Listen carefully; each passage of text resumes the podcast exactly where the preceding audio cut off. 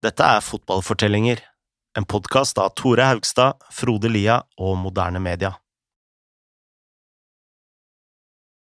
I november 2012 er Maurizio Pochettino arbeidsløs og har planer om å ta resten av sesongen fri. Han vil samle krefter, reise litt og ta kona ut til middag hver søndag.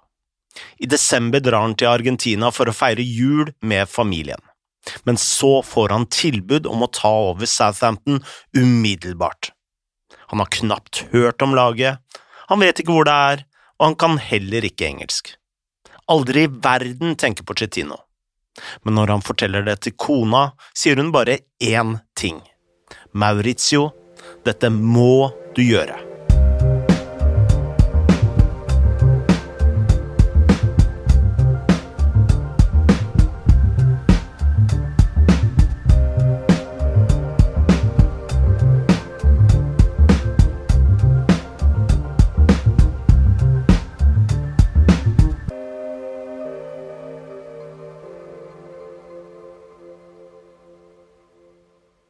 Historien om Pochettino på den engelske sørkysten begynner egentlig i 2009, og den handler om den italiensk-sveitsiske bankmannen Nicola Cortese.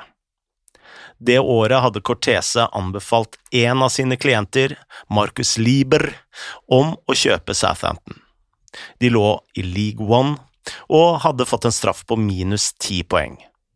Cortese mente at klubben hadde potensialet, og så fort Lieber hadde kjøpt klubben, marsjerte Cortese inn som såkalt executive chairman, en rolle som er ganske lik den Julius Cæsar hadde i Romerriket. Med full autoritet drev Cortese Southampton med mentaliteten til en bankmann. Så fort Alan Pardew hadde tapt playoffen i 2010, ble han kasta på dør. Nigel Atkins tok så over og leverte to strake opprykk, men selv da hadde Cortese en ny trener i bakhodet. Sesongen før hadde han nemlig dratt til Barcelona for å se Español møte Sevilla, i all hovedsak for å speide en ung brasilianer som het Filipe Coutinho. Men så hadde Pochettino lagt merke til Español-treneren sin karisma og energi på sidelinja, og likte det han så. Nigel Atkins hadde fortsatt å gjøre en god jobb i Premier League. Innen midten av januar lå Southampton tre poeng over streken, som var sterkt for en nyopprykka klubb. Men Cortese var misfornøyd, og nå husket han på fyren han hadde sett på sidelinjen i Barcelona. Han ringte Pochettino og inviterte ham til et møte på et hotell i London. Der prata de i tre timer, Cortese på engelsk og Pochettino på spansk, mens Pochettinos assistent Jesus Perez oversatte. Mot slutten sa Cortese, jeg liker det jeg har hørt, jeg vil ha deg som trener, og det på perfekt spansk. Den 18. januar kom nyheten som sjokkerte hele England. Southampton hadde kasta ut Atkins og ansatt Pochettino. Vi har prata med Simon Peach, som nå er chief football writer for nyhetsbyrået PA, men som før dekka Southampton tett. Han husker øyeblikket da han fikk vite om sparkinga av Atkins.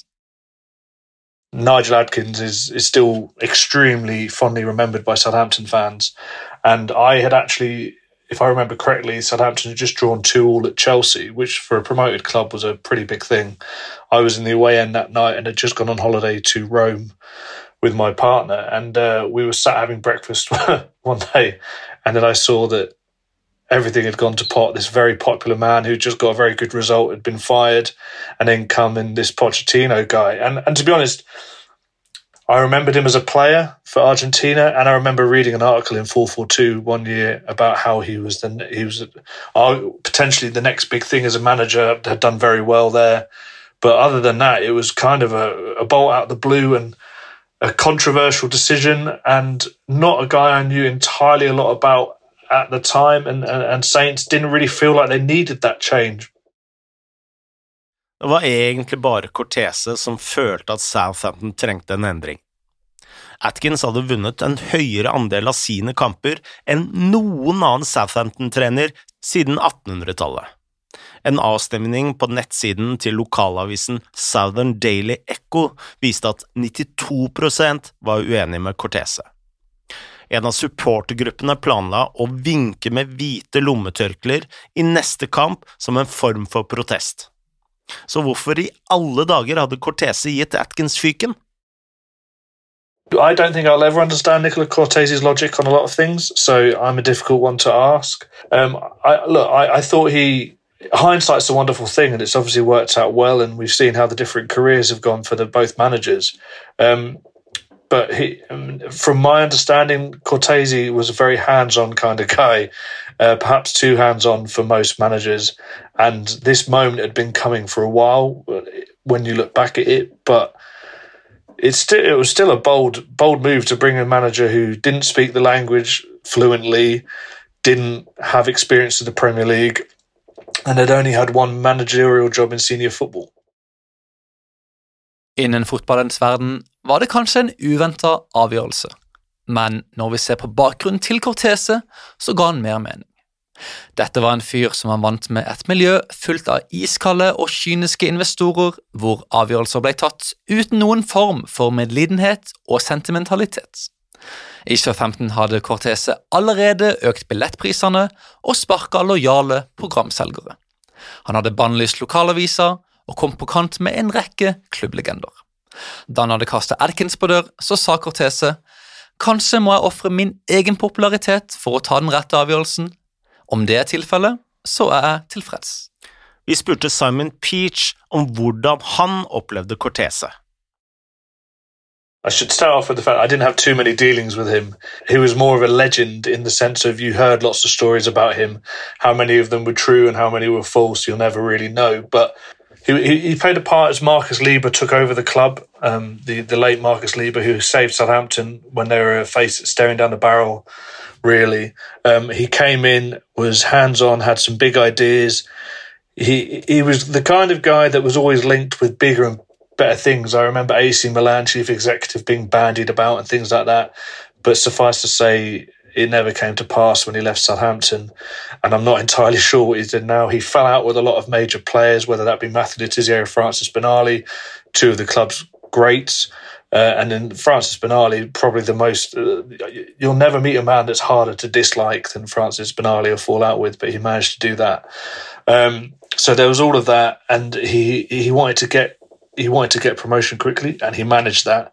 But and he and it was relentless, really. And um, yeah, there was from stories about cutlery in the boardroom and him getting furious that a certain knife was missing to there was a story about Francis Benali's swimming pool and he'd rented his house. It, it was just it was a pretty crazy time, really, when you look back. I remember Nigel Ad- asking Nigel Adkins if he picked the team at one point because it was Cortese was that hands on. So yeah, it was a while ago, but it was an interesting period.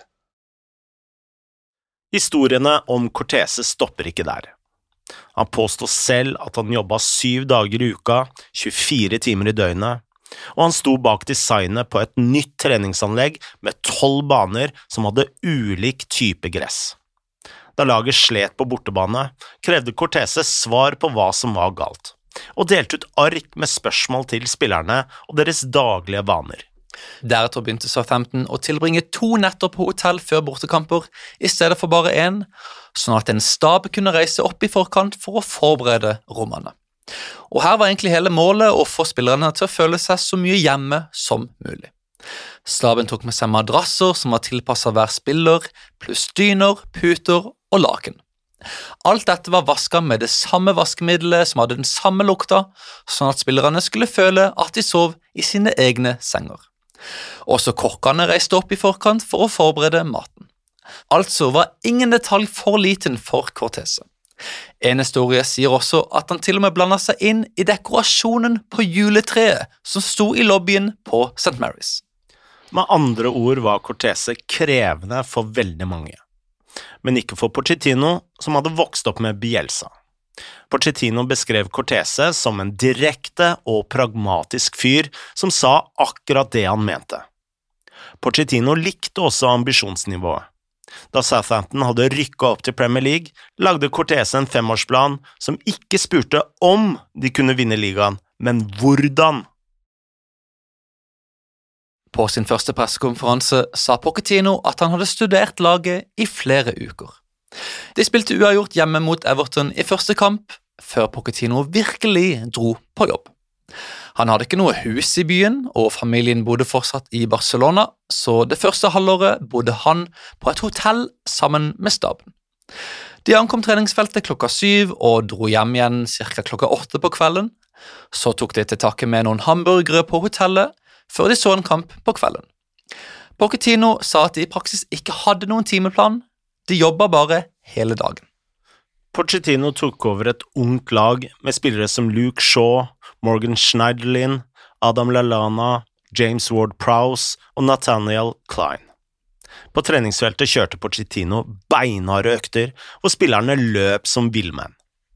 En klassiker var intervaller som han lovet skulle vare i et kvarter, før han med vilje glemte tida, slik at spillerne skulle jobbe hardere enn de trodde. I pressen ble det et stort hysteri rundt at Porcettino ikke snakket engelsk. Til hvert intervju brukte han en oversetter. Porcettino forsvarte seg med at han jobba for hardt til å ha tid til engelsktimer. Vi spurte Simon om hvordan det var for pressen å forholde seg til dette. Well, he spoke almost no English. We certainly didn't speak English in the press conferences, but I remember seeing him in the tunnel uh, after a game, maybe a month or two after he got the job, and I said to him, um, "Oh, no." He saw me. He said, "Oh, I saw you at a reserve game last night in Eastleigh," and I went, well, "One, you didn't because I wasn't there, and two, your English is that good. Why aren't you doing press conferences in English?" And he did the whole hands down the shoulder, laughing, "Ha ha ha! No, no, no, my English isn't good enough." It was. It, it was for a long time, but I also understand why he didn't do it um, until he got to a bigger club because there wasn't the pressure to speak English. Um, nor would he perhaps be able to get his point across. Fem måneder etter at han tok jobben, styrte Pochettino Southampton til en trygg 14.-plass. De hadde vunnet hjemme både mot Liverpool og Chelsea, med en spillestil hvor hele laget pressa konstant, uansett hvem de møtte. På sommeren fikk han endelig tid til å trene spillerne skikkelig opp, og arbeidet var beinhardt. De hadde økter fra klokka ti til tolv på morgenen, to til fire på ettermiddagen og så seks til åtte på kvelden. Dette regimet kunne fått flere spillere til å nærmest slutte i protest, men dette skjedde ikke her. I just know how much buy-in he had um, from the players and people like Ricky Lambert who would talk about basically he, without him he would never have achieved anything like playing for England um, because of the the fitness, the drive for fitness. I remember Jack Cork once told me he needed two hearts to play for the type of football that Pochettino wanted to play. So there was a lot of drive and fitness, and there was a lot of drive towards belief and self belief. I remember they did a pre a mid season trip to Barcelona. I think it was his first season, um, and he made them walk over hot coals to to prove to themselves that they can get over mental hurdles and things like that. Den sesongen ble Southampton det store overraskelseslaget i Premier League. De kom på åttendeplass og hadde en ballbesittelse på 58,4% som var mest i ligaen. Det at de hadde den åttende høyeste treffsikkerheten på pasningene, viste hvor kjapt de slo ballene fremover. Ingen lag hadde tvunget frem like mange feilpasninger, og på seks måneder hadde Porcettino drillet inn det beste høye presset i Premier League. Med så mange unge spillere på plass kunne Pochettino nå skape et virkelig, virkelig godt lag. Men i januar denne sesongen hadde Cortese sagt opp pga. uenigheter med Katarina Liebherr, som nå hadde tatt over eierskapet etter at Markus Liebherr hadde dødd i 2010. Pochettino ble værende ut sesongen, men da Tottenham ga han en sjanse på sommeren, tok han en avgjørelse han selv sa var veldig, veldig vanskelig. Han sa adjø til Southampton og en spillergruppe han var blitt veldig glad i. he had an amazing group of players. And there was a point early in that summer where someone had told me that he was thinking of staying and keeping the band together. So your Luke Shaws, your Lalanas, your Lamberts, and all of that. And if I think if Pochettino would have stayed, then the Southampton team would have looked very different that summer. And there was talk that you're not going anywhere because I'm staying. And I think he was that loved that he would have persuaded certain players to give him an extra year to see what they could have achieved. And that would have been pretty special, really, because you look at look Leicester's a very strange example, but Southampton changed the way football was played for a while. They altered the landscape. They had incredible players. You look at the, the group that they had then. from Luke Shaw. I mean, Callum Chambers was a very good talent back then. Um, you had a variety of players in different positions that were impressive, and with a bit, with a few tweaks on top of that, with Pochettino's coaching ability and, and the group that was already there, that could have been something really special, Champions League qualification or something.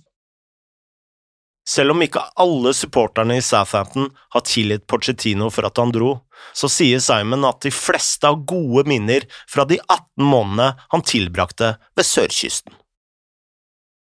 Southampton have got used to people leaving when things are going well and their careers up. And, and down the years, we've seen players leave like Diane Lovren or Virgil van Dijk who aren't remembered fondly despite how well they did because of the way they went about their departure.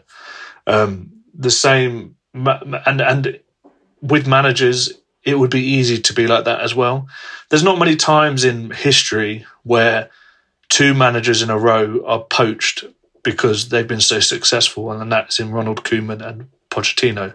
You, there's normally a sacking in there somewhere, and we've Southampton has since gone into that mold of making bad decisions after bad decision, really, in, in trying to chase them.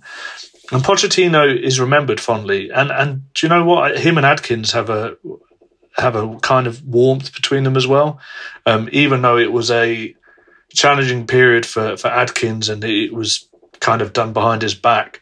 Um, there's a photo. There's a famous photo of Koeman, Pochettino, and Adkins together at, at an event when Koeman was in charge, I believe, and there was a kind of warmth that he showed towards the club, even though he left, and that is reciprocated by many fans. I don't think there's many fans that a begrudged him the move or b begrudged the way that he he went about departing because it, was an understandable next step for a for a highly sort of and highly talented manager. It's just a shame, as a Southampton fan perspective, that it just didn't last a, a season or two longer.